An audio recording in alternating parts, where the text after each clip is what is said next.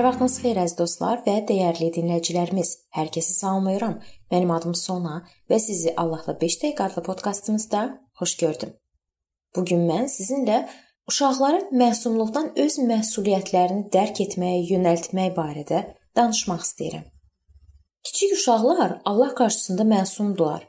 İsa öz şagirdlərinə bu sözləri deyərkən buna işarə edirdi. Uşaqları buraxın, qoy mənim yanıma gəlsinlər. Onlara mane olmayın, çünki səmavi padşahlıq belələrinə məxsusdur. Matta 19:14.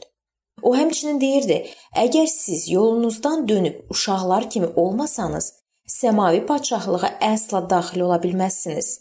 Matta 18:3. Bu sözlərdən başa düşürük ki, Allahın gözlərində uşaqlar ruhani təhlükəsizlikdədirlər və İsa Məsihin padşahlığının bir hissəsidirlər.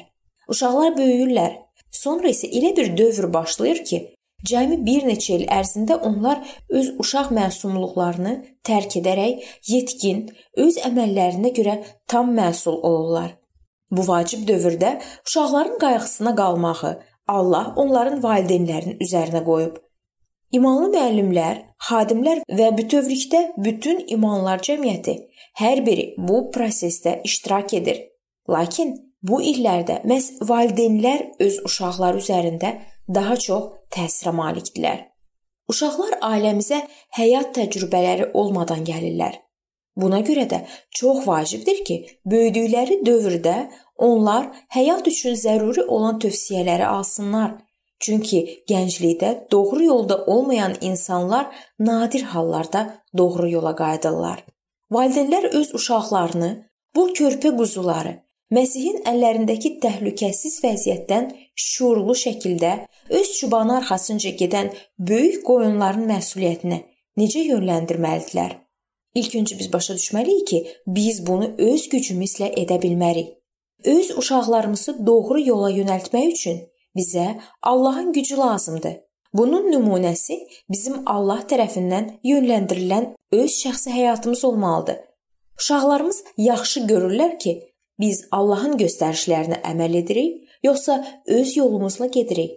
Biz özümüz də məsuliyyətli, yetkin insan həyatı yaşamalıyıq ki, uşaqlarımızda Allah qarşısında şəxsi məsuliyyət tərbiyə edək.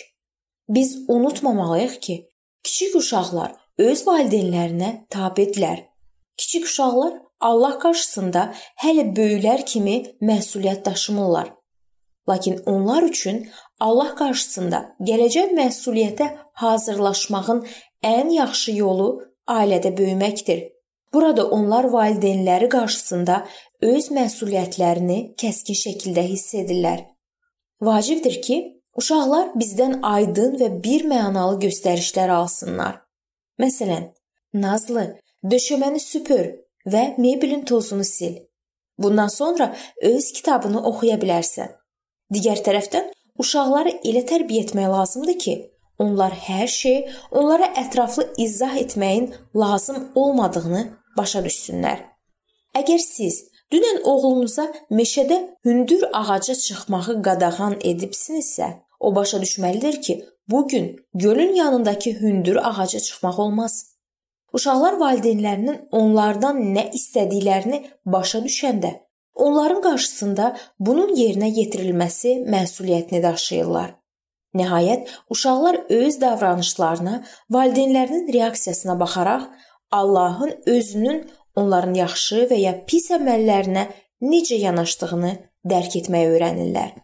Biz həmçinin uşaqlarımızın məsumluğuna qayğı ilə yanaşmalıyıq və onların vicdanını təmiz saxlamalıyıq. Yalan oğurluq və bu kimi şeylərlə kirlənmiş və zədələnmiş vicdan Allahın qarşısında öz məsuliyyətini dərk etməkdə uşaq üçün pis bələdçi olacaq. Uşaq düzgün hərəkət etmədikdə, onun vicdanı onda təqsirkarlıq hissi oyadır. Onun vicdanının sonra da sadiq bələdçi olması üçün onu təmizləmək lazımdır. Əgər uşaq əmin olsa ki, Valideynləri onun pis əməllərindən xəbərdardırlar və bir tədbir görmürlər, onda onun vicdanı kiflənməyə başlayır. Zəmanəmizdə hər yerdə tüğyan edən günahlar haqqında həddindən artıq məlumatlı olmaq da uşağın formalaşmaqda olan vicdanını korlaya bilər. İmanlı ailəsi uşaqlar üçün onların bu dünyanın bütün pisliklərindən qorunduğu əxlaqi cəhətdən təhlükəsiz bir liman olmalıdır. Valideynlər öz övladlarının nə oxuduqlarını, kiminlə dostluq etdiklərini və hansı məlumatları əldə edə bildiklərini diqqətlə izləməlidirlər. Ayıq olmaq lazımdır. Çünki bugünkü informasiya kanalları uşaqları onların öhdəsindən gələ bilmədikləri böyük miqdarda neqativ informasiyada batıra bilər. Biz diqqətli olmalıyıq ki, bu balacalardan biri üçün vəsvəsəyə səbəb olmayaq. Bu o vaxt baş verə bilər ki, biz özümüzdən başqalarına nisbətən az tələb edək. Səhər yeməyinə gecikdiyinə görə uşağı danlayanda və bununla yanaşı o biləndə ki, atasının özü çox vaxt müxtəlif görüşlərə gecikir, onun başında nə baş verər? Bu haqqda düşünün əziz dostlar. Və bu mövzunun davamını biz növbəti görüşümüzdə araşdırmağa davam edəcəyik.